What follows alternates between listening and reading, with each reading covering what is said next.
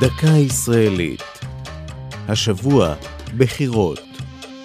והפעם חוק בדר עופר. כיצד יודעים מי ניצח בבחירות? לכאורה התשובה ברורה, מי שמקבל את מספר הקולות הגבוה ביותר. אבל המציאות מורכבת יותר ונוגעת לאופן ספירת הקולות. כאשר מחלקים את המושבים בכנסת לכל מפלגה שעברה את אחוז החסימה, מחלקים תחילה את מספר הקולות ב-120. התוצאה היא המודד למושב בכנסת.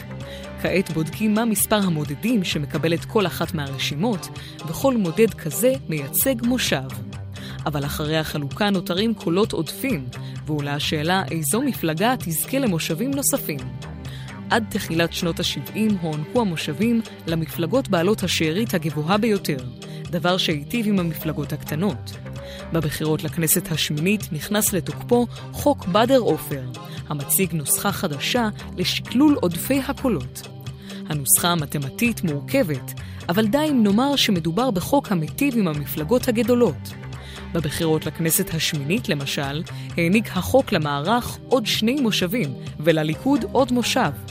באופן לא מפתיע, מי שעמדו מאחורי החוק, התקף עד היום, הם חברי המפלגות הגדולות דאז, יוחנן בדר מגחל ואברהם עופר מהמערך. זו הייתה דקה ישראלית על בחירות וחוק בדר עופר, כתבה אחינועם קפון, ייעוץ הפרופסור אברהם דיסקין, ייעוץ לשוני הדוקטור אבשלום קור.